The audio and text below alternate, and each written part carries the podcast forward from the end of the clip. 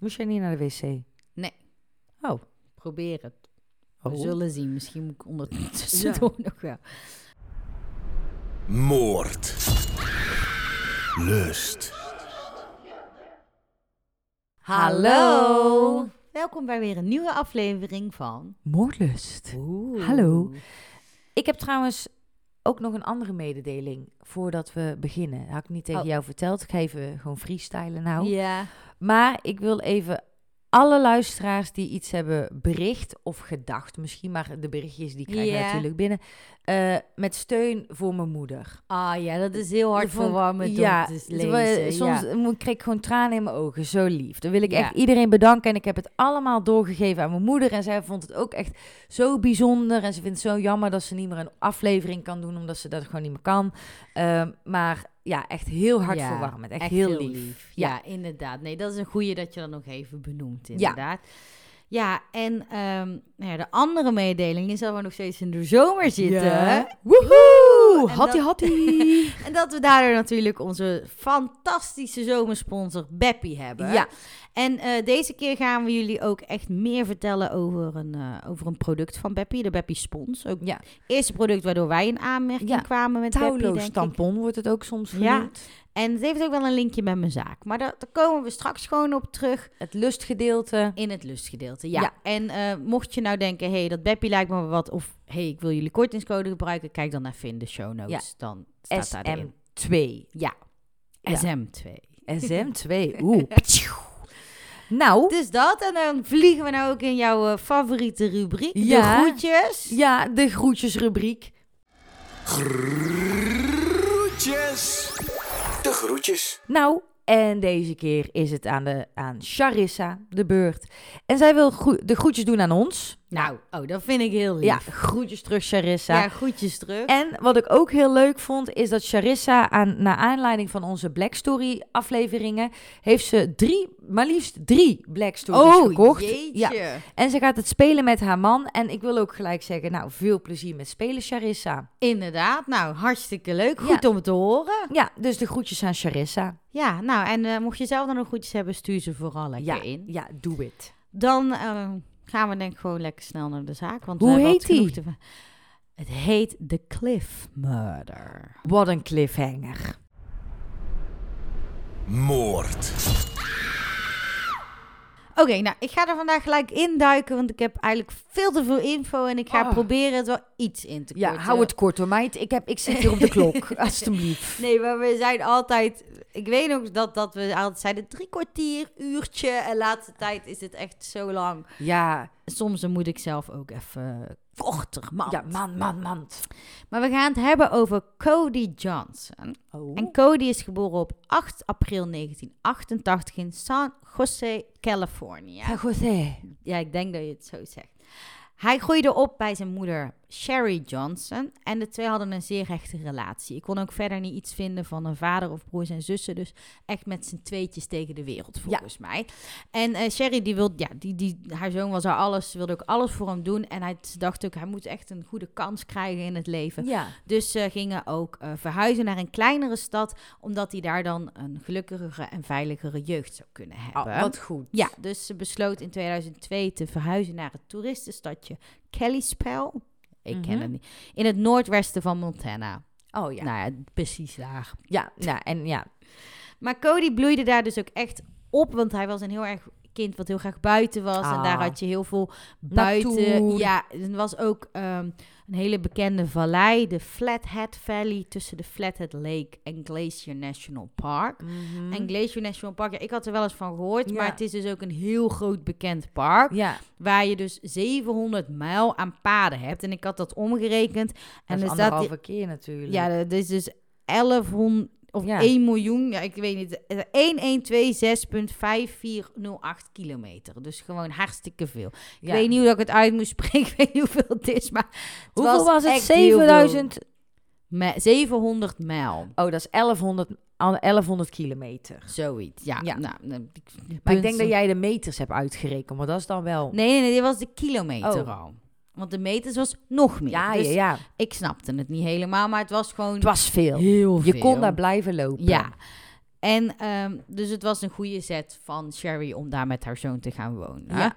En eh, hij vond het ook heel fijn in, de, in het National Park. Ja, je kent daar honderdduizend jaar rondlopen zonder Ja. dat je een keer lang hetzelfde. Dat is niet Nee. het rondje wat wij hier in het park lopen, denk precies. ik. Je ziet altijd weer wat nieuws. Ja, Ook wat ik ook altijd zo mooi vind in de natuur, is dat elk jaargetijde Ja, anders ja, is dat ziet natuurlijk. er natuurlijk ook. Ja. Prachtig. En eh, Cody hield niet alleen van de natuur, of hij hield wel van de natuur, maar hij ging ook fotograferen Ja. met zijn vrienden. En hij ging ook graag gewoon een beetje rondrijden, motocrossen en was echt obsessed met auto's. Nou, Ja. dat kan ik me wel voorstellen. En ehm, hij, zijn vrienden noemden hem ook echt een autofanaat. Want hij was er altijd over aan het praten. En ook al was je niet geïnteresseerd, dit is gewoon wat mijn broertje ook doet. Ook al ben je niet geïnteresseerd, gewoon door blijven praten over die auto's. En eh, dat En was het dan een obsessie of gewoon een erg leuke hobby? Een erg leuke hobby. Oké, ja. Maar wel wat met vrienden gedeeld werd. En ook wat natuurlijk bij, met, als je een passie voor hebt, wat heel leuk is natuurlijk, is dat hoe ouder je wordt, mag je er eens erin gaan rijden. Of kan je Ja. eraan gaan klussen. Of kan je je erin dan, kopen. ja, geld om meer eraan in te in- Ja. in- investeren. Jezus, kom eruit. En hij vond het ook heel leuk om met auto's te werken en ze op te bouwen en ermee te racen. Dus dat, eh, dat ging hij ook in zijn volwassen leven steeds meer doen. Mhm. En ehm, nou ja, mensen die eh, omschreven hem ook echt als een heel charmant, charmant, charismatisch, Ja. charmant. Ja, ja. En eh, vriendelijk. En hij had heel veel vrienden, maakte veel grappen. En ehm, nou ja, hij was dus ook heel erg bezig met die autowereld. En het was ook zo dat hij op een gegeven moment ook werkte als een commerciële autobouwer. En op een gegeven moment ook Ah, auto's verkocht, zeg maar. Maar op een gegeven moment ging hij toch een andere soort baan doen. Bij Nomad heette het bedrijf, wat een Oh. communicatiebedrijf is.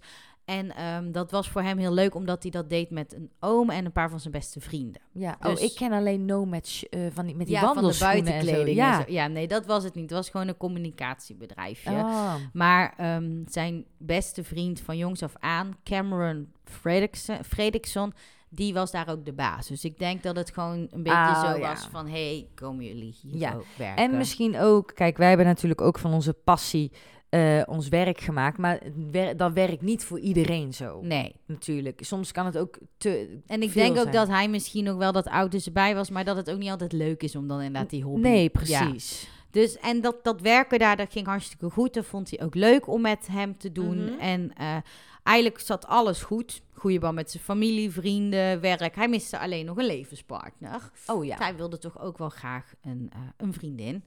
En hij, hij had ook altijd gezegd van ik wil graag settelen en een gezin. En het was ook dat, ja, dat was iets wat heel erg belangrijk voor hem. Ja. was dat hij later dat huisje, boompje, beestje zou hebben. Ja. En ja, die droom kwam dus ook wel een soort van uit. Want hij ontmoette een eh, meisje in 2011. Mhm. Had ook wel benoemd van ik wil wel graag een kerkmeisje of iemand ja, die Ook naar de gelo- kerk het geloof deelt. Ja. En eh, nou ja, gelukkig voor hem kwam hij dus in Hallo op Halloween 2011 een kerkmeisje tegen. En ze heette Jordan Graham. Mhm. Dus dat was natuurlijk, hè, dat was voor hem ook dat het zoiets was van, Die had zo moeten zijn. had zo moeten zijn. Het lot. Het lot. Jordan Graham is geboren in augustus. Ik zit te denken, want die is uit 2011. Maar hij Is is, dat in niet 1998 geboren. Ja, ik denk dat het 2001 moet zijn. Dat kan niet. Oh, Dan was hij drie. Oh, wacht. Oh nee, zo. Oh, ik dacht dat je 88 zei. Nee, uit 1990. Dus misschien is het wel 2000. Oké, er is iets wat ik nu, al nu ik dit zo zie, denk ik, dit is raar. Maar we komen nog wel op de data terug. Maar Jordan Wat Graham, een cliffhanger. die is geboren in augu- augustus van 1991. Dus die Ja. was... ehm, Zeven. oh, wacht, ik denk dat ik de fout heb. Oh, hé, daar zijn we snel. Ik denk dat hij in 1988 inderdaad geboren is. ah, En dat, want zij is was dan... drie jaar ou, eh, jonger dan Ja, hem. zij is drie jaar jonger. Dus ik heb hier een typfout gemaakt en toen dacht ik... Cruciaal. Cruciaal. Alles verandert meteen. Maar goed, ze kwam dus op Halloween 2011, kwamen ze elkaar tegen. En eh, Jordan Graham is dus zelf geboren in augustus van 91. Ja. En die was ook echt heel anders dan dat Cody was. Zij was juist heel verlegen, niet zo charismatisch en meer introvert eigenlijk. Maar goed, zij was dus ietsjes minder outgoing dan dat Cody was. Maar eigenlijk ging dat best wel goed samen. Ja. Want als toen ze elkaar beter leren kennen, stelde zij zich wat meer open. En had ze ook al een beetje die goofy, silly kant, zeg Oh, maar. yes, lekker goofy. Ja, en eh, dat hadden ze. En wat ze ook gemeen hadden, is dat ze allebei heel erg van dat buitenleven hielden. Ja. En van de Glacier National Park. Ik denk dat je op heel veel dingen kunt verschillen als partners, maar je kan niet een buitenmens met een binnenmens zetten. Nee, dat denk ik ook Nee. niet, inderdaad. Nou, en ook dat, rondom religie en politieke overtuiging moet je ook niet de twee extremen zijn. Maar op heel veel dingen, als de ene koffie lekker vindt en de ander thee, kan prima Ja, samen. ja. Maar heel goed dat zij ook van de natuur Ja. houdt. En zij was dus echt absoluut dat kerkmeisje waar Cody dus op zoek naar was. Maar zij Ja. was wel echt heel erg religieus. En eh, ze groeide ook op in een heel streng christelijk huishouden. Met heel veel regels en verwachtingen over hoe je je zou moeten gedragen. En hoe je je leven moet leiden. Ja. En ze was ook altijd heel erg betrokken bij de kerk. Dus weet je, die zat bij al die verenigingen van de kerk. En al die Ja. jeugdbewegingen en zo. En was ze ook heel erg actief eh, op de middelbare school. Want hielp met de kerk en hielp ze ook mee in een crash. Ja. En stond bekend dat ze heel goed met kinderen kon omgaan. Eh, dat paste ze denk ik op de... Ze paste dan Ja. op de kinderen van de gezinnen van de kerk. Ja, ja, Zo ja. weer. En Cody vond haar heel erg leuk. En eh, dat vond hij ook heel leuk aan haar. Dat ze zo betrokken bij Ja. dat geloof was. En ook dat ze zo goed met kinderen om kon gaan. Want zij wilde zo ja. graag een gezin Ja. natuurlijk. Dus voor hem was dat eh, helemaal fantastisch. En voor haar ook. Want haar droom was om op een dag een thuisblijvende moeder te kunnen zijn. Die haar leven volledig kon focussen Op het gezin. Ja, en aan de opvoeding van de kinderen. Dus in die zin waren hun echt een hele goede match natuurlijk. ja.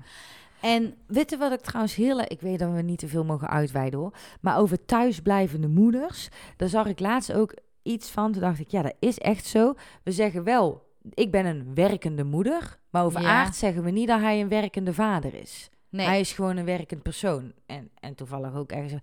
En hier dan ook eigenlijk dat thuisblijven. Zij is gewoon eigenlijk een werkende moeder die thuis gewoon alles draaiende houdt. Hè? Dus even ja, dat zou houden. Ja. Zou houden. Oh ja, want ze hadden nog geen Nee, kinderen. Ja. ze kennen elkaar net aan. ja, ik ging niet te snel. Ja. Ze waren verliefd, maar niet zo verliefd. Nee. Oké, sorry, ga verder. Voor, ja, Maar we gaan dus terug nu naar die Halloween in Oh, ja. 2011, waar ze elkaar dus ontmoeten. En, weet eh, jij hoe ze verkleed waren? Nee, Oh, jammer. helaas. Ook geen beelden van gezien of zo. Jammer, jammer. Maar, ehm, nou ja, ze, waren, ze was dus... Jordan was een beetje verlegen in het begin, maar ze konden wel merken dat ze elkaar toch wel ergens leuk Mhm. vonden. En eh, Cody zag er ook wel meer in en die wilde al best wel snel eigenlijk een relatie hebben. Die dacht, ik ga er vol voor. Ja, dit is het gewoon. Ja. Let's go. Maar ze besloten toch wel een beetje rustiger aan te doen en beginnen met een soort van vriendschappelijk daten. Mhm. En ehm, ja, Jordan wilde eigenlijk ook wel iemand die meer betrokken was bij de kerk dan dat Cody was. Dus Cody die besloot helemaal, ik ga ook mee en ik ben meer betrokken. En die wilde helemaal laten Ja. zien dat hij daar ook Echt was. dedicated Ja, voor haar. want Jordan was wel echt heel religieus en ook heel re- re- religieus opgevoed. En Jordan was meer, ze noemden het meer nonchalant religieus. Eh, Zo- Cody. Cody bedoel ik, Ja. ja. Die was meer van, ik, ik ben wel gelovig een beetje opgevoed, maar niet dat hij echt naar de Een keer kerk de ging kerk overslaan is Ja. ook niet erg. Ja. Dus dat, nou, ja, en doordat hij zo fanatiek ook naar de kerk ging, kregen ze uiteindelijk ook wel dezelfde vrienden en ging, kwamen ze met dezelfde mensen altijd in Ja. contact. Dus toch een klein wereldje, denk Ja. ik. En eh, ze begonnen officieel echt aan het daten in november 2011. Dacht ik, dat is een maand later. Ja, ja, nou ja. Dat is eh, voor Amerikaanse begrippen heel lang. ja, ja. En Cody leek ook helemaal verliefd te zijn op Jordan. En, en echt haar te aanbidden. Maar mensen Ja. hadden wel zoiets van, ja, is zij er ook wel helemaal zo into? Maar ja, zij was natuurlijk ook veel meer introvert. En hij, ik denk dat hij het van de daken schreeuwde. Ja. En dat zij het een beetje low-key. Ja. Zo van, oké. Ik ben er niet over uit wie hier eh, overlijdt. Nee, daarom heb ik het nog niet gezegd. Ja, ja, spannend. Ja, het zou wel zijn als je gelijk de eerste wint. Trouwens, kan ook. Ja. Maar Maar hij wilde dus ook dag en nacht bij haar zijn en, en zijn. En na slechts een paar weken daten vertelde hij ook aan zijn moeder van... ik wil met haar trouwen. Dus Ja. dat ging hartstikke snel allemaal. En wat voor Jordan echt belangrijk was... was, was het celibaat voor het huwelijk. mm, oh, dat, ja, dat Ja. vond Cody ook prima. ja, als je snel trouwt, maakt het ook. Hij wilde Niet dat je nog eh, decennia gewoon samen bent. Nee, hij vond het ook prima om te wachten totdat ze getrouwd Ja. waren. En eh, nou ja, het was dus ook wel zo dat ze eigenlijk als combo best wel goed werkte. Doordat hij Mhm. zo sociaal en extravert was en zij eigenlijk wat meer gereserveerd was.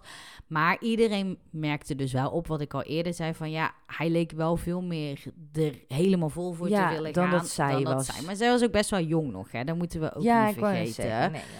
En ehm, de meeste mensen schreven het ook gewoon toe aan haar eigen karakter van Jordan. Weet je wel, van ja, ze Mhm. is ook niet zo Ja. Uitbundig Nee, het zou misschien juist meer opvallen als zij helemaal van de daken ook ging schreeuwen. Ik ben Ja, ik ben en dat ze zeiden ook van ja, ze deden in het openbaar helemaal niet aanhankelijk en zo. Maar toen dacht Ja. ik, ja, dat doe ik zelf ook niet. Nee, en En ook, ze zeiden, maar en, en iemand anders zei ook van ja, maar dat kan ook door die religieuze redenen zijn. ja, en je hoeft toch ook niet als je verliefd bent dat dat een, een, een maatstaaf is dat je in het openbaar loopt te tongen. Nee, dat zijn meestal de mensen waar het niet altijd goed mee gaat, vind nee, ik. vind- ja, maar, die laat het aan de buitenwereld extreem. Ja. maar goed, na een heel jaar daten verloofden ze in december 2012. Oh, die gingen van daten naar verloven. Dus eigenlijk daarvoor hadden ze. Ja, en officie- van, ze waren eerst als date als vrienden. Toen zijn ze in november officieel gaan daten. Of was het officieel? Oké, en toen ja, in december oké. 2012 kregen zijn ze- ze echt verloofd. Ja. Ja, dus ze daten terwijl ze gewoon een relatie hebben. Wat wij eigenlijk ook adviseren, hè, dat je één keer in de maand een leuke Ja. date moet doen. Ja. En ehm, nou ja, sommige vrienden waren best wel verrast dat Jordan ook echt ging trouwen met Cody. Omdat ze dus heel erg dachten van ja, hij wil het allemaal wel zo graag. Maar is het zo serieus ook voor Ja. haar om dat te doen? En ehm, nou, voor hen leek het ook een beetje snel na een jaar. Toen dacht ik, nou, voor Amerikaanse begrippen vind ik dit hartstikke lang. ja, ik wou zeggen, ze nemen de tijd. Maar goed, ze waren blij en ze eh, dachten als zij gelukkig zijn, Ja, helemaal goed. Maar ja, ze leken blij te zijn, maar was dat ook zo natuurlijk? wat een cliffhanger. Nou, het werd al snel duidelijk dat ze eigenlijk vooral blij was, Jordan, met het idee van een huwelijk en van een bruiloft. Mhm. En dat ze gewoon heel dat sprookje Ja, kon meemaken. da- daar hebben we al wel vaker gezien. Hè? Dat heel veel Ja. mensen soms verliefd zijn op het idee. En daar moet je toch wel op voor waken. Ja, en ze spraken ook een datum af eh, om te gaan trouwen. Dat wordt 29 juni 2013. Oh.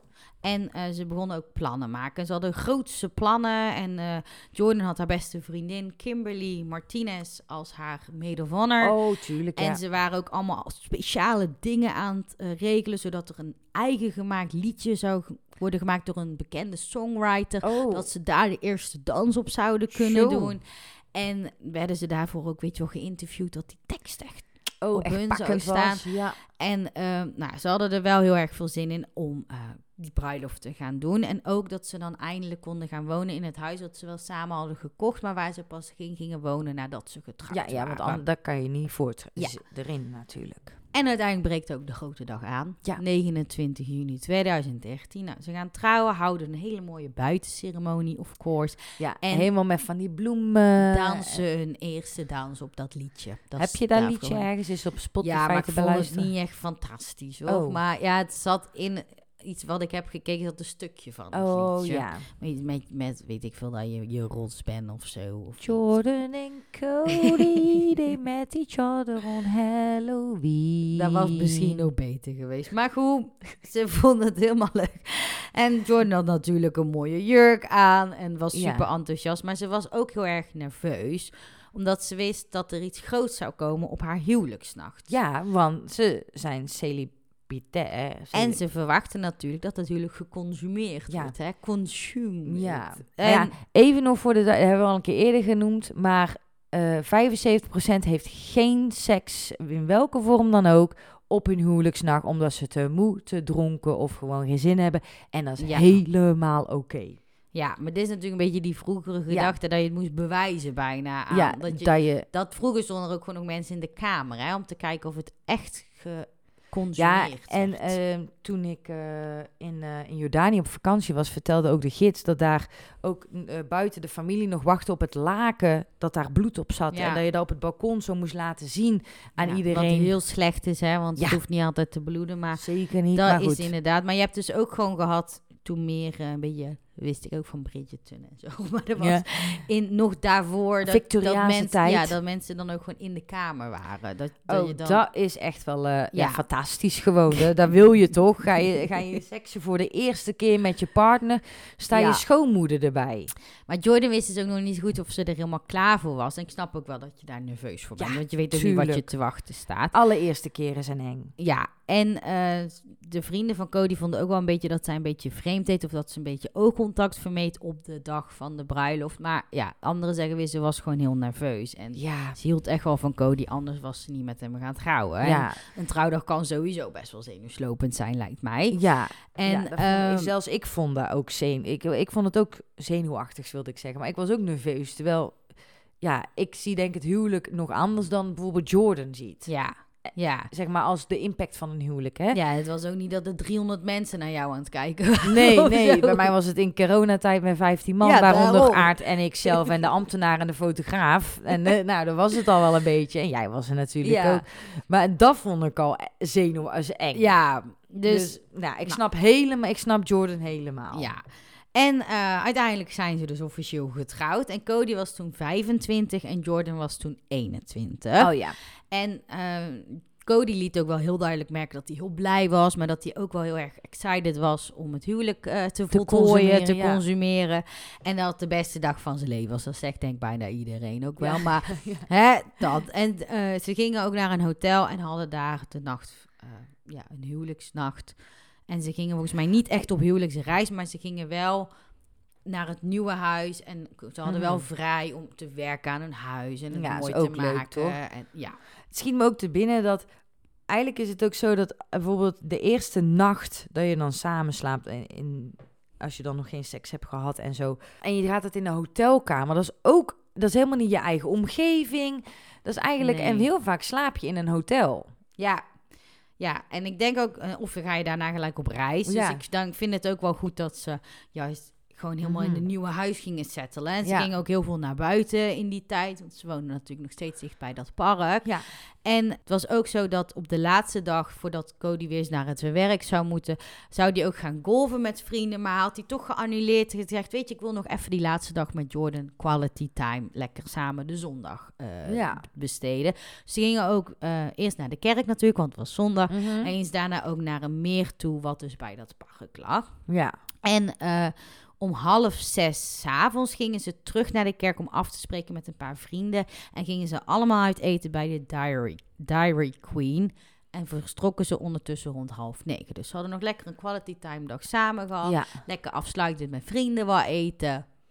Klinkt als een best goed einde van een vakantie ja, eigenlijk. ik zit hè? nog steeds in eh, wie gaat wie vermoorden. Ja, Ik- leuk. Ja, ja. ik wist het al. Gelijk. Nou, oh. Nee, maar ik, Ja, had, je ik had de titel. Ja, ik, ja, ik heb er eens, ik, daarom heb ik het de Cliff Murder genoemd. En, Omdat het eh, een hele grote cliffhanger is? Of... Ja, Oh. nee. Oh ja, dus in de National Park natuurlijk is ergens wel een cliff. Met die Nee. flathead. Wat was het nou? Flathead, eh flatface? Verleden of zo, ik weet het ook niet precies. Maar goed, de volgende ochtend was het papapa, maandag. Nou, Nou, oh my god, lui. Wat een info vertel jij hier. En. Cody werd verwacht op zijn werk natuurlijk, want hij moest weer gaan Ja, werken. nou, deze voelde ik al aankomen. Ja. Hij komt niet aan op werk. Maar zijn baas en vriend Cameron, die wacht op hem. Die wou natuurlijk vragen, hoe is de week geweest? Eerste Ja. week van het huwelijk, Ja, hoe eh, was het? gezellig. Oh, die, hoe gaat het? Die ja, je ook altijd Zitten doen. al aan de ketting. Weet je, krijg je de data Ja. weer, hè? Maar Cody kwam niet opdagen. En dat was heel raar, want normaal was hij echt al om zes uur op werk. Dus Stipt. Ja, dus het was op een gegeven moment al half zeven en hij was er nog steeds niet. En toen dacht Cameron, ik maak me toch wel een beetje zorgen. Is hij naar het huis van Cody gereden. En toen hij daar aankwam was er niemand. Jordan was er ook niet. Ze waren er, niemand was thuis. En hij nam niet op en maakte zich zorgen. En toen dacht Cameron, ik heb er toch een slecht gevoel over. Ja. Is hij zelf een soort van gaan inbreken in de huis? Yo, oh, hoe vind ik? Ja. Volg je intuïtie. Is Kan ook gevaarlijk zijn trouwens. Ja, maar hij had eerst gekeken ook, zijn er sporen van inbraak of is er iets? Nou, niet, toen dacht hij, dan breek ik in. ja, ja. En toen is hij... verniel ik enige sporen als er iets anders is. Geen probleem, overal glas. Nee, maar hij had er wel echt een slecht gevoel bij. Ja. En ehm, hij dacht ook van misschien zijn er ergens anders aanwijzingen. Of misschien zijn ze toch nog op een verrassingshuwelijksreis gegaan. Of Ja. hebben ze en zijn ze dat vergeten door te geven of zo. Ja. Toen ging hij naar de garage. daar kwam hij toen. En toen vond hij Cody's telefoon daar. En dan maakte hem Ah. wel bezorgd. Ja. Hij zei, ja, die had altijd zijn telefoon bij. ja. Dus Cameron begint alle vrienden en familieleden van Cody te bellen. Dat is natuurlijk wel fijn als je beste vriend ook je baas is. Dan Ja. kan je gelijk gewoon even Hop, bellen. hop, hop, hop, ja, hop. Zij zal die moeder wel gebeld hebben en zo. Hebben wij ook, hè? Ja, en hij had dus ook iedereen eh, gebeld. En ook dus de vrienden die hem de dag daarvoor hadden gezien... waar ze mee waren gaan Ja. eten bij die Diary Queen. Maar niemand had hem na half negen nog gezien... de- Nee. toen ze weggingen van dat restaurant.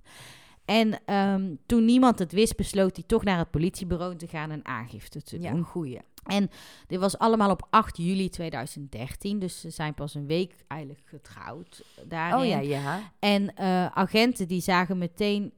Die zagen toch wel aan Kevin dat hij echt heel bezorgd was. En die waren toch ook wel bang dat er iets was. Dat ik dacht, wow, hoe, Nou, normaal moet je altijd heel lang ja, wachten. en zeker tieners, die, of tieners niet, maar mensen die kunnen ook gewoon weggaan, maak je geen zorgen, Ja. komt wel terug. Maar nee, vind ik goed dat ze het dan serieus nemen van Ja. En Sir, Sergeant Chet Zimmerman was een van de agenten die voor het eerst met Cameron sprak. En hij zei ook van ja, waarom geef jij hem als baas als vermist op en niet zijn pas getrouwde of zijn vrouw waar die net mee getrouwd Ja. is. Maar ja, zei ze ook ja, we weten ook niet waar zij Nee, is. Nou, zijn dus eigenlijk allebei.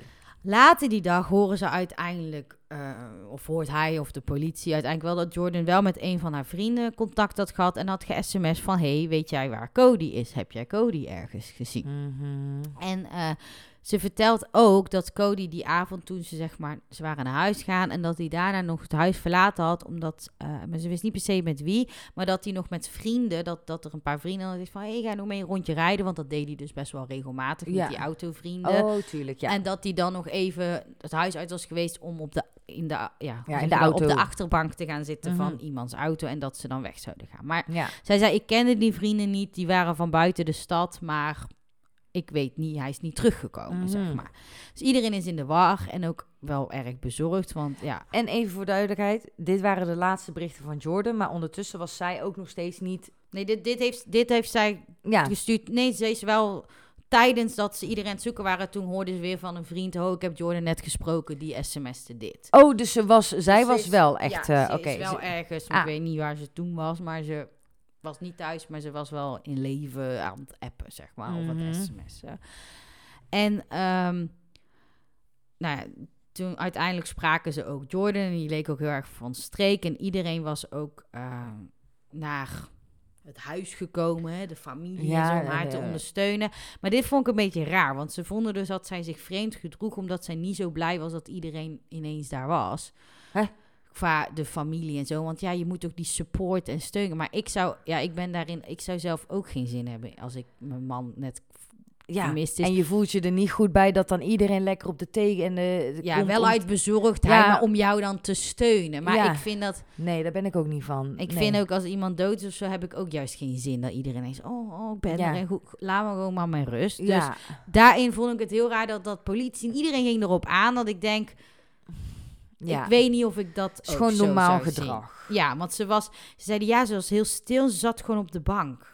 Oh, wauw. Nee, ze had... eh, ja, Zij is nooit stil. Ze is zo'n extravert. en op een gegeven moment was het wel zo dat ze van streek raakte en dat ze opstond en haar trouwring door de kamer gooide. En dat vonden mensen weer heel vreemd. Maar ik dacht wel, als hij ook zo weg is gegaan en zo, kan Je je, toch weet ook heel niet. boos worden. ja, van hallo, we zijn net getrouwd en je laat me hier achter. En Ja, eh, ben boos, ik gooi mijn trouwring, want dat, is, dat huwelijk betekent toch niks. En voor haar ook, zij heeft zich eh, het celibate leven voor hem. Weet je wel, dat, en Ja. dan, dat je denkt, eh, wat is de huwelijk? Maar ik snap ook dat je daar boos van kan Ja. worden. maar goed, er waren natuurlijk nog heel veel vraagtekens. Ja. Zijn Cody was nog niet terug. Dus op een gegeven moment, de politie ging wel iedereen interviewen. En Jordan eh, gingen ze ook meerdere keren ondervragen. En op een gegeven moment bracht ze haar voor het eerst echt ja, op, op bureau om te verhoren op 9 juni. Oh ja. Of juli is dat dan. Ehm, en ze vertelde hen het hele verhaal, wat ze dus ook aan die vrienden had verteld. Dat Mhm. hij dus thuis kwam, een berichtje had gehad van iemand van... hey, ga je mee rond je auto rijden? En dat hij dat dus had gedaan. Mm. En ehm, ze zei wel dat diegene die hij aan de telefoon had... Dat, dat hij daardoor een beetje overstuur was. Of dat hij daar een beetje... Ja, Ontwricht was. ja, dat hij een beetje ontwricht was. En dat, nou ja, dat, dat hij dus een beetje overstuur daardoor was en zo. Maar dat hij dus ehm, dat, dat ze dus ook hem dacht van, nou, ik laat hem wel even. En toen kwam ze er ook achter dat haar telefoonoplader nog op het werk lag. En toen dacht ze, nou, dan ga ik die wel even ophalen en dan kom ik straks wel terug. Ja. En toen ze dus terugkwam, toen kwam dus volgens haar dat Cody had gezegd, ik ga dat rondje rijden. En eh, nou ja, zij Mhm. kwam dus eigenlijk net thuis toen ze hem zag wegrijden in die donker... Of Ja. een auto met hem erin zag wegrijden. En dat was Ja. een donkergroene sedan. En eh, nou ja, ze zei, ik dacht dat het de kentekenplaat uit Washington was. Maar verder, ja, Mhm. weet ik ook helemaal niet wat dat nou was. En ehm, nou ja, ze wisten dus ook niet wie die mensen per se waren. En de onderzoekers probeerden natuurlijk uit te zoeken van... ja, waarom zou hij vertrekken? Hebben jullie ruzie gehad? Is er wat gebeurd? Eh Mhm. Wilden die het... Of ze dachten, zijn drugsdealers? Want er was heel veel drugsactiviteit in de stad. Oh. Oh, ja. dus automatisch is Ja, dat dan dan is het- natuurlijk. Ja. Maar ze zei, ja, nee, dat, dat lijkt me allemaal sterk. En ze vonden het gewoon leuk om te joyriden, weet je. Om heel hard door dat buitengebied te rijden. En gewoon, ja, wat mensen doen met Ja. auto's. Ja, Autorijden. autorijden. En dat ze dan een beetje hard waren. Ook van die, weet je net als bij de Great Ocean Road heb je toch ook die... Die bochten ja, zo. langs Nou, de, dat heb je in dat park of bij dat park ook, Ja. zeg maar. langs de klif. Ja. En het was dus vreemd dat hij niet thuis kwam. En ze zeiden ook van, ja, waarom heb je hem niet aangegeven als vermist? En toen zei ze ook van, ja, ik was bang dat eh, hij straks terugkomt... en dat ik hem dan als vermist had opgegeven... en dat hij dan heel boos op mij zou worden, Ja, zeg maar. Want snap ik ook. ja, het was ook niet dat hij al dagen vermist was Nee. of zo. En ehm, nou, de moeder van Cody was natuurlijk helemaal overstuur... want die dacht, wat de fuck, wat is er gebeurd? Maar dat was ook haar leven. ja, ja, eh, ja, ja, Sherry, ja. Ja, en zij had er wel voor gezorgd, Sherry, dat, ehm, dat al die telefoongegevens die hij had van zijn provider of zo, ik denk dat zij daar misschien nog toegang of zo toe had, ja. dat de politie die ook kreeg. Ah, fijn. Dus dat was heel goed. En dan keken ze ook van, hey, is dat verontrustende telefoontje geweest? Of naar wie heeft hij gebeld? En er was ook wel een telefoontje van een willekeurig nummer van de staat Washington. En uiteindelijk Hmm. eh, konden ze dat terugvoeren naar een man genaamd José. Oh, hé. Dus ze belden José en zeiden: Hey, jij hebt Hey, José. gebeld. eh, ja, met Cody, waar hadden jullie het over? Hij was van streek of iets. En toen zei hij: eh, Nou, daar heb ik niet. Ik heb hem gebeld, want ik had iets van gereedschap van hem geleend. Was ik kwijtgeraakt en ik belde nu om te zeggen: Hey, ik heb het gevonden, dus ik kan het teruggeven. Dus er was Ja. helemaal niet een raar telefoontje. En Ah, ze zagen dus ook van, nou, zal niet een alibi hebben, maar hij had een ijzersterk alibi omdat zijn vrouw op die avond aan het bevallen Oh, was oh. in het ziekenhuis. ja, oké, nee. Dus het was best, ik dacht, dat is een goed alibi Ja, als je- natuurlijk. Ja, dan is het wel te zien dat je daar bent. Ja, en eh, dus die was eigenlijk wel van de lijst af te strepen. En uiteindelijk ging ook heel de stad door, ja, ging helemaal mee de zoektocht doen, Mhm. want hij was natuurlijk nog steeds niet gevonden. Ja, want we zijn nu alweer een, wel een aantal dagen verder Ja, natuurlijk. we zijn nu op, ja, nu niet heel veel, maar op, we zijn nu op woensdag 10 juli. En eh, toen was hij dus nog steeds niet gevonden. Maar er was wel een grote doorbraak in de zaak. Omdat Jordan een verrassende e-mail kreeg van een willekeurig e-mailadres. Oh. En ze vertelde aan haar vriendin Hanna van... hey, ik kreeg een e-mail van iemand die zichzelf Tony de Carman of Tony S noemde. Oh. En eh, hij zei: Hallo Jordan, mijn naam is Tony. Er is geen moeite om naar Cody te zoeken. Hij is er niet meer. Dus zeg het rapport van vermiste personen af. Cody komt niet meer terug. Nou, Dat is fucking raar, toch? dat vind ik echt, dat vind ik echt eng. eng. Ja, dat lijkt me echt doodeng. En volgens deze e-mail. Ik eh, zou dan ook gelijk trouwens, als je zo'n e-mail opent, het idee, idee hebben dat iemand naar je kijkt. Ja. Door die e-mail heen, of dat je gelijk om je heen kijkt van, wie, waar, waar ben je, Tony? En volgens deze e-mail eh, was, Tony, was Cody gaan wandelen in de Glacier National Park. En daar uiteindelijk gevallen. En dat zou zijn dood zijn geworden. En Ja. het had geen zin om de politie om naar hem te zoeken. Want ja, hij was van de klif gevallen in Glacier National Park. En eh, hij was toen met drie vrienden en hij was dood. En het is daar zo groot Mhm. en gewoon niet te, ja, niet te doen om hem iemand te zoeken. Oké, en dan zou Tony dan zogenaamd waarschijnlijk dan een van die vrienden zijn die niet in de problemen, die niet in de problemen, maar gewoon wilde laten weten, hij is daar dood gegaan. Ja. Niet vermoord, maar dood. Hij is Ja. gestruikeld, oké. En ze vonden, het- de politie vond het wel gek natuurlijk, want wat is dit? Maar het was wel die, die wegen waar die reed en met wind en Ja, zo, en had het rijden. wel gekund Ja. dat, dat dat zou gebeuren. Dus de politie nam dat wel in overweging. Mhm.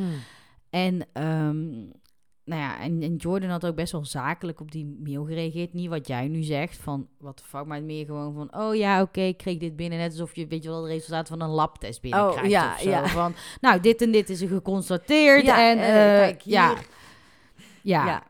En dat, dat was natuurlijk ook toch wel een beetje, Ja. een beetje En heeft ze überhaupt op die mail zelf gereageerd met... Hey Tony, dankjewel voor dit bericht. Nee, Eh, ze heeft niet gereageerd, maar de politie heeft die mail natuurlijk wel gekregen en konden ze ook gaan zoeken naar IP-adres en zo. mhm. Alleen, dat was wel veel moeilijker dan nu. Dat duurde wel Ja. langer dan dat dat nu, eh, nu was. Dus, want de politie, ja, die wilde toch wel iets doen. Mhm. En ze vonden uiteindelijk ook wel een man genaamd Tony Stalkup, waar Oh. Cody eh, wel eens mee had samengewerkt. Ze dachten, hey, Tony S. ja, ja. maar ehm, dat was helemaal... Nee, ze hadden ook niet echt samengewerkt. Gewoon een keer aan... Weet je, ze hielden allebei van auto's. En ze hadden een keer iets over auto's Ja. gezegd. Maar het was niet dat dat, dat zeg maar, de Tony, Mhm. de Carmen was. Nee, en ik zou ook... Hij had ook niet dat account, hebben ze ook nog gecheckt. Ja, want en ik zou ook nooit mijn eigen naam gebruiken. Nee, Stel, dat zou echt fucking dom ja, zijn. stel jij zou tijdens... Wij zijn aan het wandelen. Ja, in Nederland hebben we niet echt cliffs, maar ergens en jij valt neer. En stel, ik wil daar verdoezelen en ik mail eh, iemand in je omgeving. Dan zou ik niet afsluiten met liefst Anne S. Nee, nee, Toch, dat is heel dom. nee, want het was wel duidelijk dat degene die dus inderdaad deze mailtje, dat ze gewoon wilden dat het onderzoek stopte Ja, natuurlijk. ja. Hè? Dus, eh, maar goed, op een gegeven moment waren mensen toch wel zoiets van, ja, we kunnen hier wel blijven zoeken, maar misschien moeten we toch maar ergens in dat park gaan zoeken, Mhm. ondanks dat het zo super groot is. Want Ja, het was wel echt overweldigend, omdat het dus 1500 vierkante mijl wildernis was. Dus Ja. dat is dan echt wel ja, 4,5 Ja. vier- 4.500 vierkante kilometer. Dan, Ja. nou, dat, is niet te, dat is niet te overzien natuurlijk. Nee. Ze wisten ook niet waar ze moesten beginnen, maar ze dachten, weet je, we proberen het maar. Maar daar zitten ook eh, wilde dieren, zoals Ja, beren, rivieren, steile kliffen. Er is natuurlijk best wel veel. En er zijn ook best wel plekken waar allemaal beschermde omheiningen zijn. Dus zo je er niet af kan vallen. Maar er zijn ook wel plekken waar de omheiningen niet zo zijn. Mhm. En eh, nou, ze zochten overal, want het, je kan, je, weet je, hoeft maar één keer uit te glijden en het is klaar ook. Hè? Het is niet dat het Ja. per se, ja, dat je heel veel moeite moet doen om Nee. daar te, dat te vallen. Nee. Maar ze bleven maar zoeken, want ze vonden het toch wel raar dat het ook zo specifiek in die mail stond van van de klif gevallen. Ja. En Jordan en haar vriendin Hannah, waar ze dus tegen had verteld, hey, Mhm. ik heb die e-mail gehad, die gingen samen ook meezoeken naar Cody in de Glacier National Park. En Hannah vond het heel raar dat Jordan zich ja, een beetje vreemd gedroeg, want zij zat alleen maar van, ehm, oké, ja, rij maar door, rij maar door, hier hoeven we niet te zoeken, rij maar door, voel maar door. En, en dat was Hm. Een beetje raar, want ze leek ook niet heel bezorgd. En ze leek ook niet dat ze echt wilde helpen met zoeken. En ehm, nou ja, ze deden wel, gingen wel zoeken, maar uiteindelijk ja, vonden ze niks natuurlijk. En gingen ze weer naar huis. Maar dat was, was een beetje vreemd gedrag, zeg maar. Toch hoor je dat dan ook veel, vind ik, in zaken waarbij, nu is natuurlijk Jordan mijn, mijn eh, hoofdverdachte, Ja. Maar dat dan de partners mee gaan zoeken naar hun waarschijnlijk overleden partner, omdat ze die zelf vermoord hebben, maar dat ze dus altijd niet zo actief meezoeken. Ja. Dan denk ik, als je nou één ding moet doen om niet te laten blijken dat jij een moordenaar bent, maar dat je net doet alsof je het zo erg vindt, dat is dan actief meezoeken. Ja. Pluis elke centimeter uit. Doe het lekker overdreven. Maar nooit doen ze dat. Nee, want het was ook de volgende dag gingen ze weer verder. Die donderdag 11 juli. Mhm. En ehm, toen ging haar broertje Michael, het broertje van Jordan, ook mee. En die vriendin Hannah dus weer. En Hannah probeerde haar ook heel tijd te laten stoppen. Maar ja, het was, ze bleven toch dat ze... Nee, nee, dat hoeft niet. En ga maar verder. En heel raar. En ehm, het, het leek ook wel alsof Jordan naar een bepaalde plek specifiek wilde gaan in het Oh. park. En eh, ze reden dus op een hele smalle, bochtige weg. Zo'n weg, wat ik zei, Ja. zo'n kronkelige weg. En ehm, ze zei, ja, ik wil helemaal naar de top rijden. Dus dat gingen ze ook allemaal doen. En ehm, daarbovenop was een parkeerplaats. Een beetje zo'n uitkijk. Oh ja, zo'n view. Ja. eh. En ehm, het was ook zo dat, dat Jordan vertelde van... ja, dit is een hele speciale plek voor ons. Wij zijn hier vaak geweest. En Mhm. eh, daar zou ik graag willen zoeken. En dit pad loopt langs een een heel diep ravijn en is dus erg gevaarlijk. En met, er is een super, super steile daling daar. Of ja, Ja, ja. cliff echt zo. En ook eh, rotsen waar je omheen moet klimmen. En nou ja, je kan me voorstellen, het was een heel mooi uitkijkpunt, maar je moest niet eigenlijk naar beneden kijken, want dan ben je doodsbang, denk Ja, ik. Dat ja. zeg maar. Je moet gewoon dan zo naar voren mooi kijken, naar de ja, de horizon, panorama, view en dat is het. Maar dit snap ik dan nog wel van Jordan. Dat, dat je denkt van, weet je, ik denk mee. Stel, het zou suïcide zijn bijvoorbeeld, hè, Ja. van, van eh, Cody. Waar zou je heen gaan? Dan ga je naar een bijzondere plek. Maar als ze dat nou gelijk had gezegd, van weet je, ik wil naar een specifieke plek. Want ik, dan, dan klinkt het voor mij weer alsof ze mee wil denken. Ja, en het was ook zo dat eigenlijk mocht je daar dus niet overheen. Of was er een bepaalde kant wat niet als Oh, veilig ja. werd gezien. Maar iedereen gaat er natuurlijk dan Ja. toch overheen. Ja, dat is hè? zo menselijk, hè? Ja, en Jordan die, die huppelt ook gewoon bijna over die rots alsof het geen probleem was. Terwijl het dus echt fucking gevaarlijk was. En dat mensen dat eigenlijk helemaal niet zo durfden. En ze zegt, ja, ik heb dit al vaker gedaan. Ik weet precies waar ik heen moet. En eh, heel die groep keek ook een beetje zo toe. Een beetje die Ja. mee aan het zoeken was van, oké. Ze ging dus staan op een heel gevaarlijk punt. En ehm, iedereen dacht ook, wat doet zij nou allemaal, weet je? En ze kijkt naar Mhm. beneden en ze zegt, ik zie iets. Oh. Ik zie daar iets. Dus die broer, die, die Michael, die klimt ook over dat Mhm. muurtje heen. En die gaat ook kijken. En die beseft van, ja, er is iets beneden. Maar het was zo ver dat je niet kon zien Wat het wat was. het was. En ja, je kon, is het nou een lichaam of iets, of misschien een wild dier of zo, weet Ja. je wel. Maar, ehm, nou ja, het was toch wel dat ze dachten, ik zie hier echt wel iets. En die broer was ook helemaal gelijk in shock. En die dacht, oh my god, what the fuck, weet je, ligt, zou die daar nou liggen? Ja, want dat En- is ook een eng gegeven, Ja. toch? Dat daar een, een overledene Ja, ligt. En hij eh, was echt helemaal hysterisch terug naar de auto Ja. gekropen bijna, omdat hij zo in shock was. Maar Jordan was. Huppelde gewoon lekker als, een, als een soort van berggeit zo overal die rotsen. Ja, en ehm, op een gegeven moment gingen, ja, kregen ook de andere mensen natuurlijk dat mee. Van, hé, hey, Mhm. waarschijnlijk is er iets gevonden. En kwamen de parkwachters daar ook en die keken ook naar beneden. En die dachten, oké, we denken dat die wel iets is. En op een gegeven Mhm. moment zagen ze dus toch ook, kregen ze beter beeld. Ik denk ook door verrekijkers en zo. Oh ja. Dat ze een blauwe tennisschoen zagen. En er werd ook bevestigd dat hij dat die avond, dat hij die Had schoenen aan had. Dat ja. hij die aan had. En ze hadden nog wel echt een visuele bevestiging nodig dat hij het was. Maar zelfs die getrainde mensen, die, die konden eigenlijk niet naar beneden dichtbij genoeg komen. Omdat het Oh. zo gevaarlijk was. Dus er waren speciale FBI-agenten die vrijwillig zeg maar, neer gingen dalen daarin. En eh, Wow. op een gegeven moment was het ook zo dat er een, eh, met een helikopter zelfs zeggen, dan moet je gekeken daar boven moet- hangen Ja, en dan moet je eigenlijk dan met zo'n kabel denk ik naar beneden, want er zitten daar waarschijnlijk geen aanhaakpunten om te gaan abseilen of zo. nee, want dat deed een van die speciale FBI-agenten wel. Dus echt zo letterlijk zo'n touw om je middel knopen en vastzetten. oh zodat hij echt het kon zeggen van oké. En toen hebben ze hem volgens mij echt pas met die helikopter en zo Ja. eruit kunnen halen. Maar toen dacht ik echt, dat moet echt heel eng en gevaarlijk Ja. zijn geweest. En je zegt hem eruit kunnen halen, bedoel je Cody? Ja, ja, Oh, het was Cody. het was Cody. Oh, wat een cliffhanger. Je ging er even maar oh, het is Cody die daar ligt. Ja, want dat, dat was het dus. Het was een lichaam en eh, er lag een kleine watermassa bij. Dus er lag water bij. En het was dus Cody's lichaam. Oh.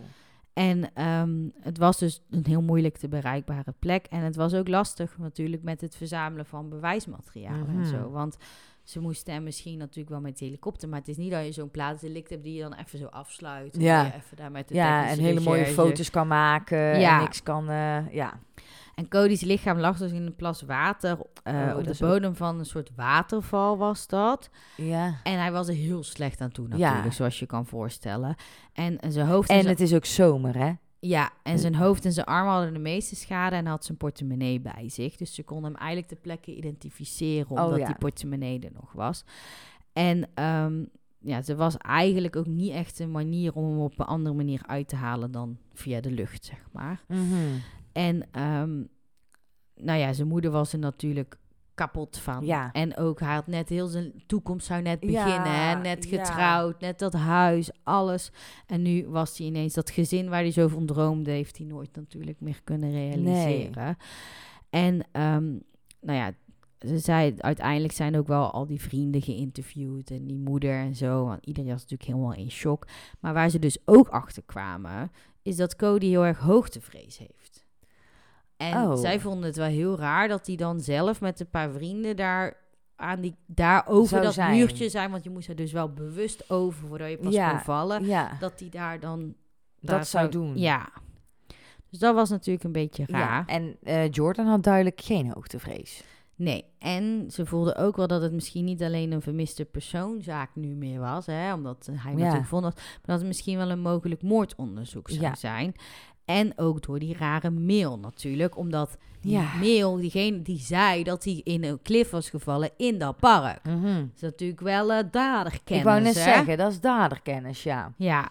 Maar, ze Maar kon- wij wisten al dat het een moord was, anders zouden wij hem niet bespreken natuurlijk.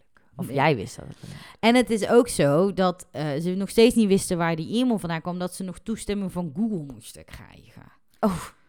Dat, was, Ja. dat is allemaal zo gedoe. Ik vind dat altijd met zulke zaken, denk ik, dan mag toch wel een wet zijn dat je dat mag breken of zo. Maar, Ja, vind ik ook. en uiteindelijk kwam Kimberly Martinez, de maid of honor van Jordan, Ja. het politiebureau binnen om met hen te praten. En eh, ze zeiden ook van, ik, ik, ik denk dat Jordan toch niet wilde trouwen met Cody.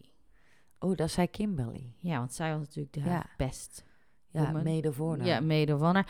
En ze zegt van ja, Jordan had ernstige twijfels in de aanloop van de bruiloft. Vooral op de trouwdag. Vooral omdat ze bang was om te doen, om iets seksueels te doen. Hmm. Ze was bang dat ze gedwongen zou worden. En eh, seks was niet iets waar Jordan naar uitkeek. En daar zag ze heel erg tegen op. Oh, dat vind ik eigenlijk ook wel zielig. Ja, en Kim zei dat Jordan haar keer op keer vroeg van... ja, moet ik nou trouwen? Doe ik het juiste? Ik ben Ja. doodsbang voor de huwelijksnacht en voor seks. En eh, ze had Jordan dus verteld dat ze heel de week ongesteld was... Hmm. nadat ze getrouwd waren. Dit was haar manier om te voorkomen dat ze seks zouden hebben. Ja. Dus ze had ook helemaal geen seks met hem gehad. Maar ze vertelt dat van ja, hij had ehm, dat als hij iets met hem met haar geprobeerd had, dat ze dan in paniek zou zijn geraakt. Ja. En ze zei van, seks was iets wat Jordan eh, dus bang voor was, zei Kim.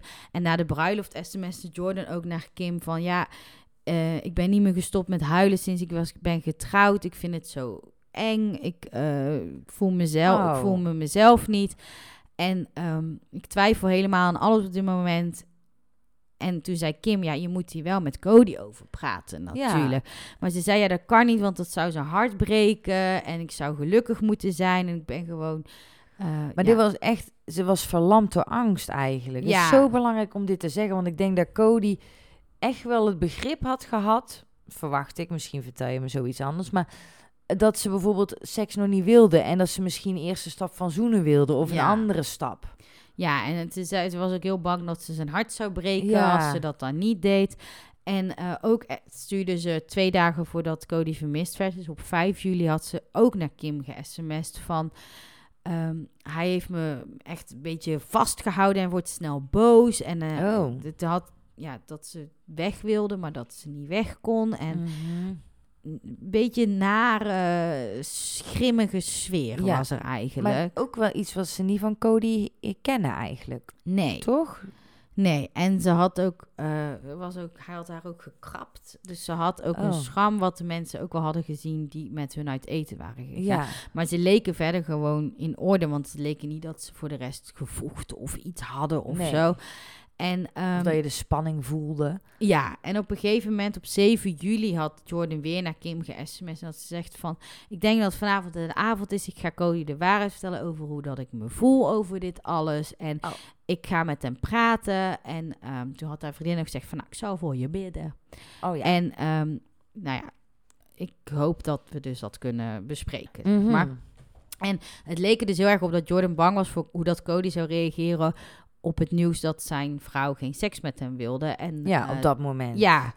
Eh, en niet alleen ook dat Jordan eigenlijk misschien eens niet eens wilde trouwen, zeg maar. Maar ze leek Ja. toch een beetje bang te zijn voor Cody. Mhm. En ehm, ze zei ook uiteindelijk van, ja, ik heb met hem gepraat en het ging niet goed met haar. En ze zei dat hij heel boos op haar werd en dat ze besloot te vertrekken, zodat hij kon afkoelen.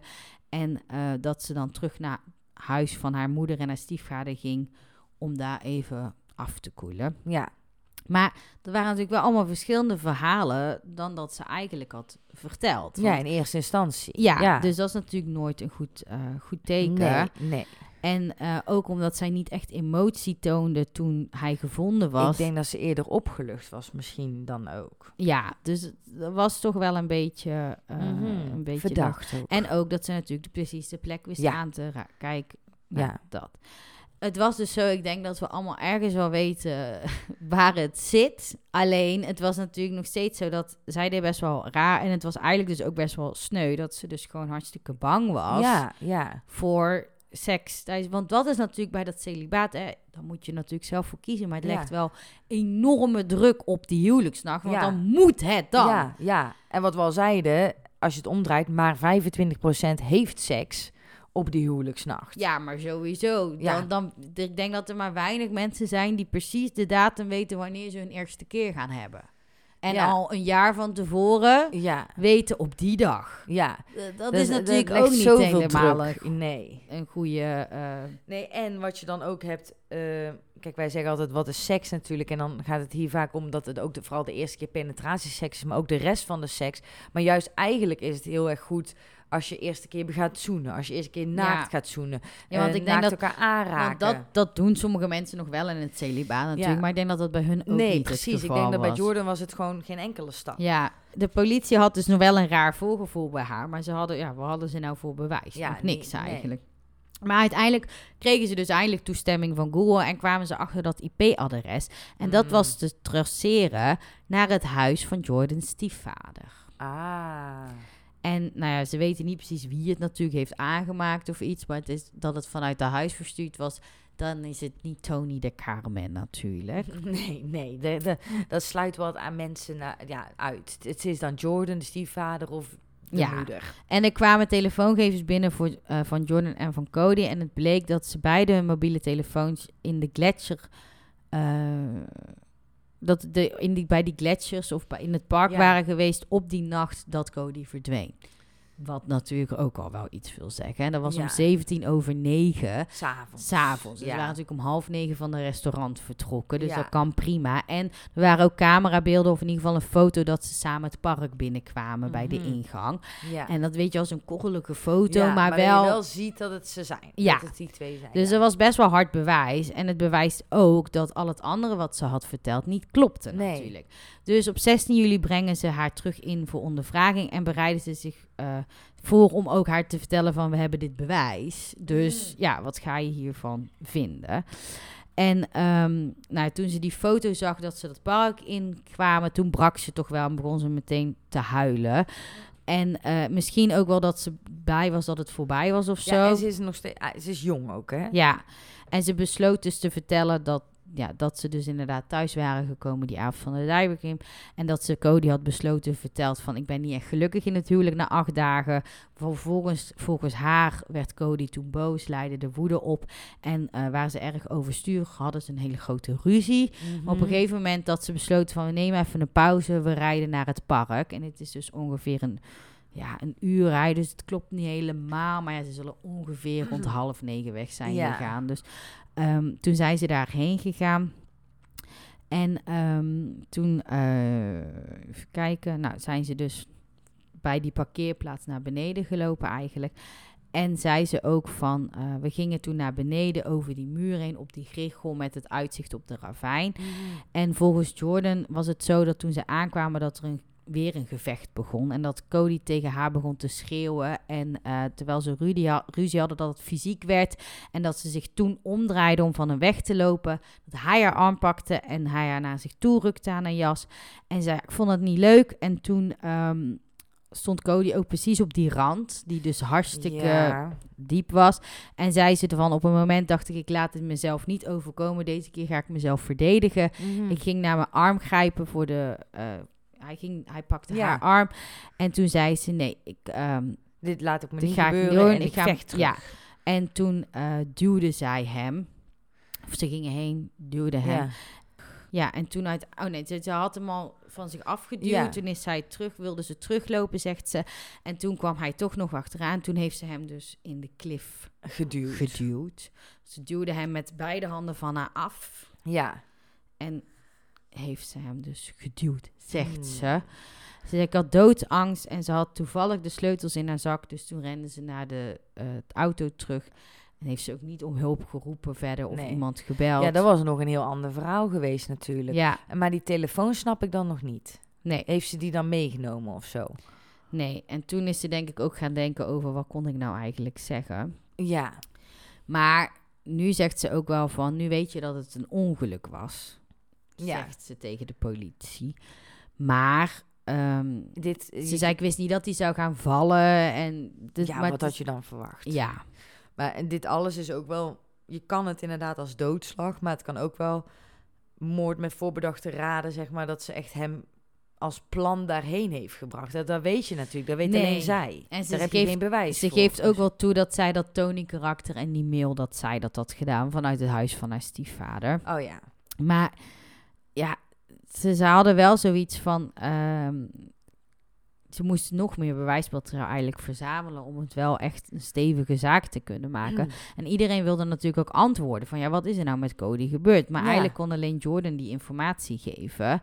En op 22 juli was ook de begrafenis van Cody. En Oh, dat is nog best een eind. ja, nou, 22 juli. Hij is van 11 juli gevonden of zo. Oh, oh, wacht. Ja, maar gevonden. En dan, ik dacht dat hij, zeg maar, en twee dagen daarvoor was hij toch al dood. Oh, zo. Ja, hij is op Dat is- 22 juli begraven. Maar dan hebben ze natuurlijk zijn lichaam nog onderzocht en zo. ja, ja, twee weken later ongeveer. Ja. Ja, ja. En ehm, ze Ik denk niet dat het een open kist was. Nee, nee, ze zeiden ook van ja, Jordan was heel onbeschoft, want ze zat alleen maar op haar telefoon Oh. tijdens de begrafenis. Dacht ik Nou, ook, dat toch- vind ik niet oké, hoor. Dat vond ik ook echt heel raar. En Nee. dat, dat maakte mensen natuurlijk ook wel van ja, je man, je net Ja. man is daar en jij bent alleen maar daar, eh, daarmee bezig. Aan het, eh, wat, ben- wat is er dan belangrijk om op je telefoon te doen? Want iedereen om wie je geeft is letterlijk in dezelfde ruimte. Dus, Ja. want dan neem ik aan dat de vrienden, familie eh, van hun beiden daar zijn. Je kerkgemeenschap is er. Zit je dan op Instagram te scrollen of te snappen of te tiktokken? Wat doe je? Ja. Ja, raar. En het duurde ook nog best wel lang, eigenlijk, maar eigenlijk tot september voordat er iets van een arrestatie of zo Ja, want zijn. ze zat daar dus gewoon niet als verdachte of eh, dat ze Nee. iets van een eh, arrestatiebevel had of zo. En ze hadden ook, eh, de politie was natuurlijk wel bezig. En die Cameron, die beste vriend, had wel al vanaf het begin het gevoel dat zij er iets mee te maken Ja. moest hebben. En in augustus startte iemand ook een Twitter-account, zelfs met de naam Who Kill Cody. Om Oh. updates te posten en te proberen te achterkomen van wie heeft dit nou gedaan. Ja. En uiteindelijk op 9 september 2013 werd Jordan ook gearresteerd en beschuldigd van doodslag en het afleggen van valse verklaringen tegenover de autoriteiten. Ja. En ehm, ze was eigenlijk weer volkomen emotieloos. Ja, Ze ra- even voor mij de 22 jaar. Of hoe oud was Net het? 22, 22, Ja, 22 ja. jaar, hè? Ja. En eh, ze bleef dus helemaal kalm. En het verhaal werd ook opgepikt door het nieuws natuurlijk. En haalde Mm. van allerlei krantenkoppen. Van nieuwe echtgenoot. Na een paar dagen duwt ze die letterlijk van de cliff. Oh, ja, en, tuurlijk, ja. Dat ja. is, ja, het is enorm eh, interessant voor kranten en media om daar leuke Ja. krantenkoppen van te maken. Maar de vraag bleef nog steeds waarom ze dit deed met voor en of dat met voorbedachte raden was, of dat het Ja. een opwelling was, of een ongeluk, of wat het nou echt eh, kon zijn. Ja, want zelfs met een ongeluk kan het natuurlijk ook zijn dat je daarna eigenlijk in shock bent, geen hulp zoekt en denkt: ik stuur zo'n mail, dan weten ze in ieder geval waar die is. En eh, dus dat elk Ja. scenario had gekund of kan. Ja, en het was ook zo dat eh, het ook lastig was nog steeds voor de autoriteiten om alles te bewijzen. Ja. Waardoor ze op een gegeven moment ook weer gewoon ja, huisarrest kreeg, maar dus wel een soort van vrij was, weet je wel. Mhm. Dat dat ook, dat is natuurlijk niet echt een goed iets. Die familie Nee. was daar natuurlijk hartstikke boos over, want ze wilde gerechtigheid voor Cody. Ja. En ehm, ze zeiden ook van ja, hij heeft nooit verdiend wat Jordan hem heeft aangedaan. Nee. En ehm, op een gegeven moment heeft, nou ja, we kwam het toch wel voor de jury en werd ze in oktober aangeklaagd voor moord met voorbedachte Oh, raden. toch. en een jury toegevoegd, eh, werd ook toegevoegd aan de- die de beschuldiging dan van moord met voorbedachte raden Mhm. schuldig of niet zou moeten zeggen. Ja. En het minimumstraf van levenslang in de gevangenis zonder kans op vervroegde vrijlating. Dat was de minimumstraf. Ja, Maar was dan... er zit toch geen straf boven meer? nee, dat weet ik ook niet. Of ja, doodstraf misschien, dat dat ja, kon daar. Ja, misschien dat dat het was. Dat En het wel. proces begon uiteindelijk op 9 december 2013. Ja, Vond plaats in Missoula- Missoula in Montana. En de rechter had, eh, had ook nog een andere zaak in Montana en had allemaal erg druk. Dus Oh. hij wilde wel een snel proces. Oh. En ehm, dat was zo dat eigenlijk, ze, ja, ze zei helemaal niks. Ze bleef gewoon alleen maar zwijgen. En eh, op een gegeven moment, dat vond ik dus een beetje gek. Want eh, het was dan, ja, je kon dus heel moeilijk bewijzen dat ze hem met voorbedachte raden van die cliff had geduwd. Ja. En dat ze dus dat helemaal had bedacht. Ja. En eh, op een gegeven moment was ze van ja, het is niet vastgesteld dat ze duwde. En toen kwam het natuurlijk weer met zelfverdediging Ja, om de hoek kijken. Ja. En nou ja, je weet precies, die familie was het daar natuurlijk allemaal niet mee Nee. eens. Ehm, maar het ging dus uiteindelijk ook niet omdat ze niet per se wilde trouwen. Maar het was vooral dat ze bang was om die seks met hem te hebben. En dat ze dus het gevoel had van ik kan geen excuses meer verzinnen. Want dat menstruatiegedoe, daar kon ze ook niet blijven. Zeggen. Maar ze wilde ook niet scheiden. En nou ja, het was allemaal hartstikke lastig Maar allemaal. ze, had het, ze denkt wel voor zichzelf. Eh, en nogmaals, je bent jong en je weet misschien ook niet hoe, hoe je dit gesprek aan moet gaan. Dat is hartstikke lastig. Maar ik denk dat ze het echt in haar hoofd heel groot en moeilijk heeft gemaakt. Ja, Zeg maar dat je niet meer uitkomt van, ook kan mijn menstruatie niet meer als excuus gebruiken. Hoef je trouwens ook echt, je kan hopelijk gewoon, als je in een huwelijk bent, zeggen van ik heb geen zin. ja. Maar da- weet je, dat het zo groot was van, oh ik kan dat niet meer, kan dat. Ik zit helemaal vast in een eigen web aan. Ja, en dat was ook dat ze het gevoel had van er is maar één optie Ja. om er vanaf te komen. Dat doet me een beetje denken aan de pindakaasmoord, waarbij hij Ja. ook helemaal in een web van eigen gedachten en dacht er is maar één oplossing om haar en dan haar te vermoorden. Ja. En in dit geval Cody te vermoorden. Of Ja. ja, En ehm, nou ja, er kwamen dus van allerlei redenen waarom wel, niet en zo. En Jordan had een van haar vrienden ook verteld dat Cody haar heel erg onder druk had gezet om seksuele dingen te doen die ze niet wilde. En dat ze absoluut walgde van het idee om seks met hem te hebben. En ehm, dat ze het idee had, of het idee om intiem met hem te zijn, dat dat haar lichamelijk ziek maakte, had ze Oh ja, zelfs ja. gezegd. En, ehm, oh ja, en wat ook nog opvallend was, is dat Cody ook werd gevonden zonder zijn trouwring. Dat vonden ze ook heel Oh. bijzonder. En is die trouwring ooit teruggevonden? Weet ik niet gelijk eigenlijk. Waarschijnlijk niet dan. Nee, en, Waarschijnlijk ook ergens gewoon dat hij in ruzie gegooid is, weet je wel. Zo van, nou dan niet. en Cody die had natuurlijk eigenlijk die plannen gehad om te golven met zijn vrienden die Ja. dag, die die geannuleerd had. En dat was ook omdat Jordan een verrassing voor hem had. Dus hij dacht misschien, of die vrienden dachten ook van misschien een beetje seksuele verrassing of iets. Hè? En dat, dat, dat ze liever wat privé dat, dat, dat wilde doen. Ja. Maar dat was natuurlijk ook niet. eh, nee, nee, dat was ook niet, het niet geval. zo. Toen ze hem vonden, vonden ze ook een zwarte lange doek naast zijn lichaam. En dat leek op iets, want Jordan had gezegd van, dat ze Cody had gemaskerd, een blinddoek had omgedaan. Zo van, oh, ik heb een verrassing. Oh.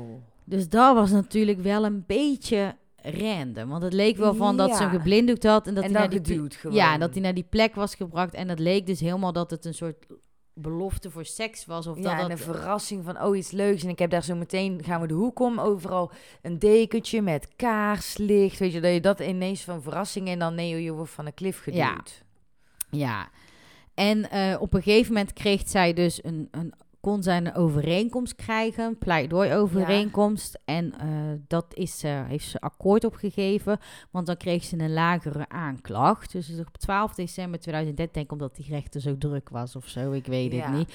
Maar op 12 december 2013 pleitte ze schuldig aan een Mhm. lagere aanklacht van moord met voorbedachte raden. En in ruil voor haar pleidooi kreeg ze een gevangenisstraf van 30 jaar. Oh ja, in plaats van levenslang. Ja. ja. En eh, ze was het ermee eens dat wat ze had, ze had gedaan roekeloos was. En eh, ze had wel volgehouden dat het een ongeluk was. En ze zei, ik heb er niet over nagedacht dat het zo gevaarlijk was waar we stonden. En ehm, ja, dat, dat zei ze. Maar daarna veranderde ze weer van gedachten, omdat ze weer had gelezen van... oeh, de andere gevangenisstraf zou misschien wel 50 jaar zijn. Dus ze heeft ook wel een beetje naar de mond van de... Ja. Zeg je dat? Van de rechtspraak of van de... ja, ge- ge- Ja. snap je. Omdat ze dan die 30 jaar zou hebben. Ja. In plaats van die 50 of levenslang. levenslang. Ja, dat inderdaad. En dit was in 2013. 13. En ze heeft zonder de mogelijkheid van voorwaardelijke vrijlating. Dus dat... eh, Oké, dus dan over, drie, eh, over 20 jaar nu dan. Ja. Dus ze zit nu op de hel. eh, eh, ja. En de rechter zei ook nog van... Ja, ze heeft nooit excuses aangeboden... of enig berouw getoond voor het onder druk zetten... of Ja. ja, voor, niet onder, voor het vermoorden van haar man. Ja, natuurlijk. of het niet wel de doodslag. Ja, inderdaad. En eh, de familie van Cody was wel een beetje teleurgesteld doordat die straf wel lager was uitgevallen. Mhm.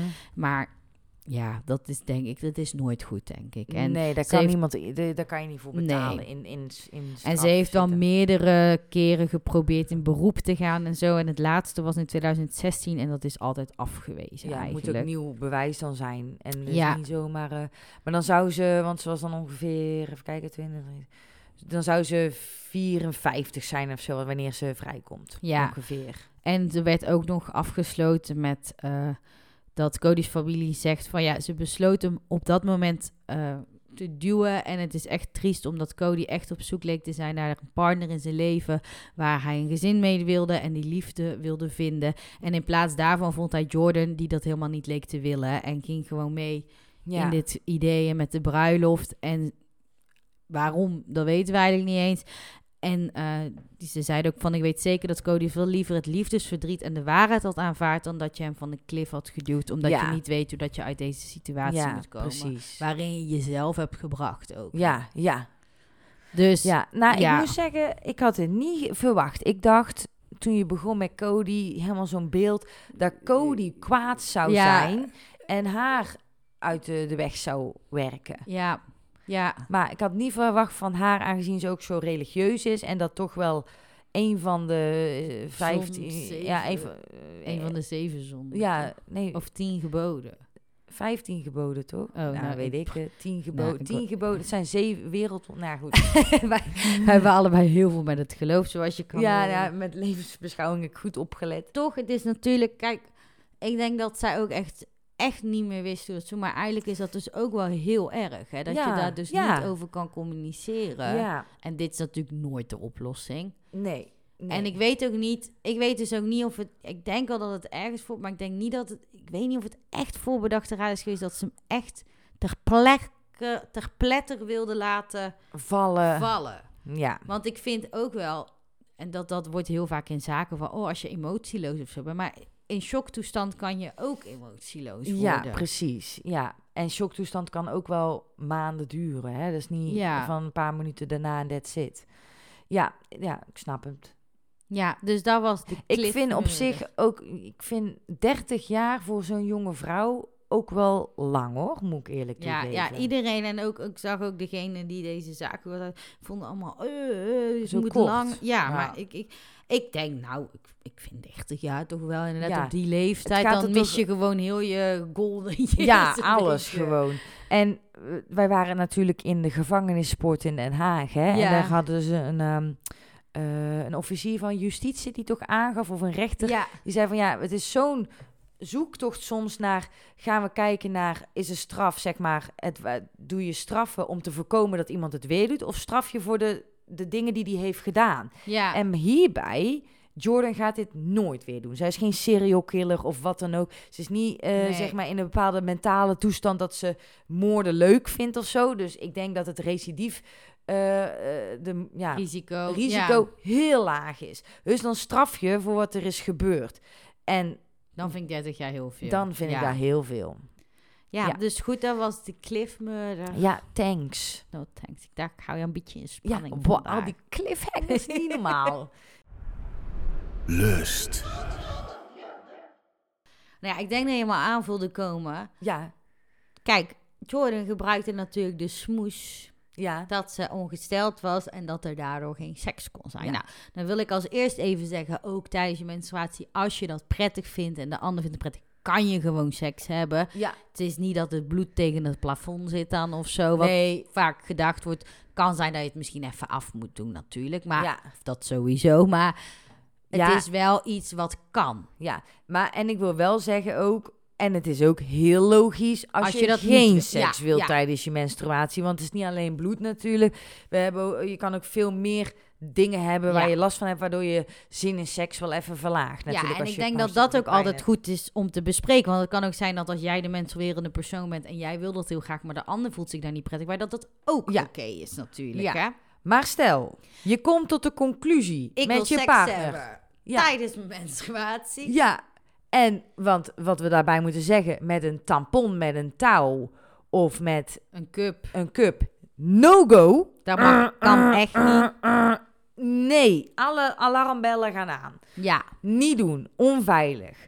Maar dan komen we bij onze zomersponsor, Beppie. ja, want met de Beppie het sponsje... Ja, Ja, het is de spons Ja, heet die ja. denk ik gewoon. Beppie Spons. De Beppie spons, dat is dus een, letterlijk een soort sponsje in Ja. een ovaalvormige vorm. Die je dus ook ja, gewoon in kan drukken. Ja, is niet hard of Niet zo. hard, er zit geen touwtje aan. Nee.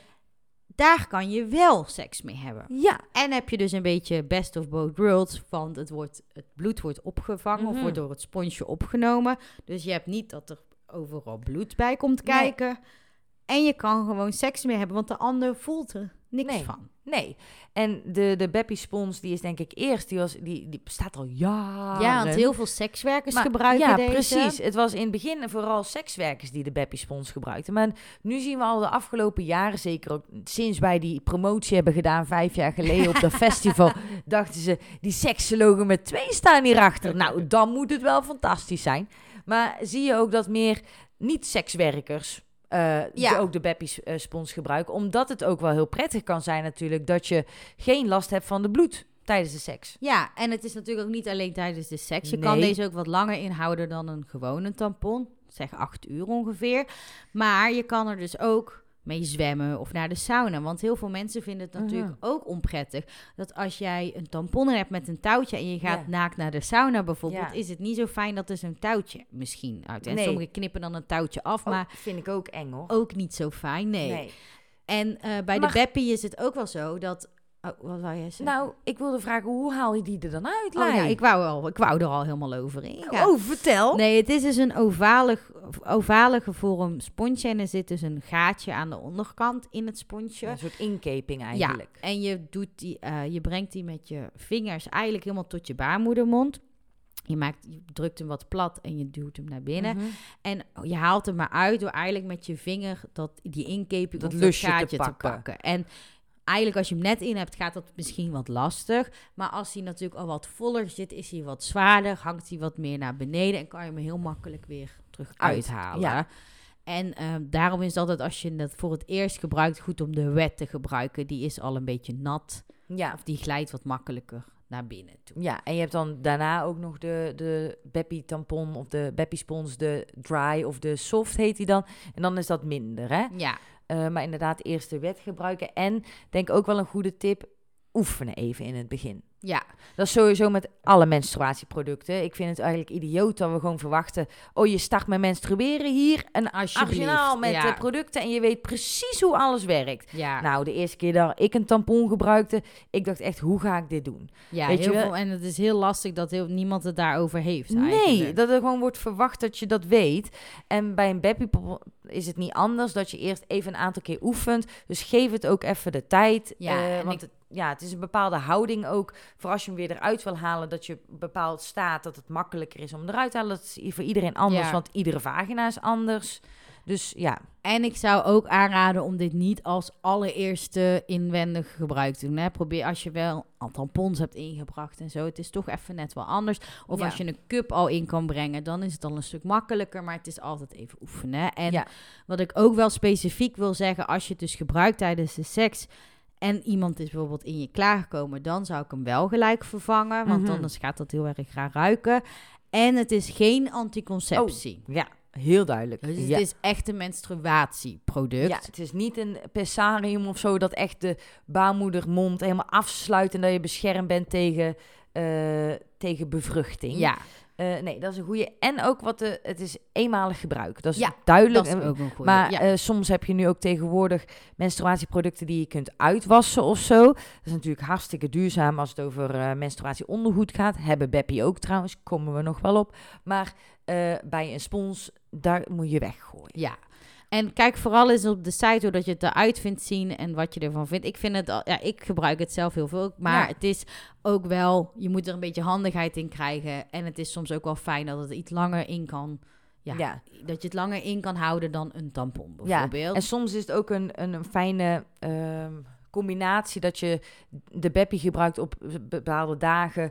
eh, zoals als je seks wil hebben, als je wil, wil gaan sporten, maar niet dat tampongevoel wil hebben. Of naar de sauna wil gaan of wat dan ook. Maar dat je op de andere dagen bijvoorbeeld me- ja, ondergoed gebruikt of maandverband of een tampon. Ja. Je kan alles variëren Ja, natuurlijk. je hoeft inderdaad niet bij één product te Nee, blijven. nee.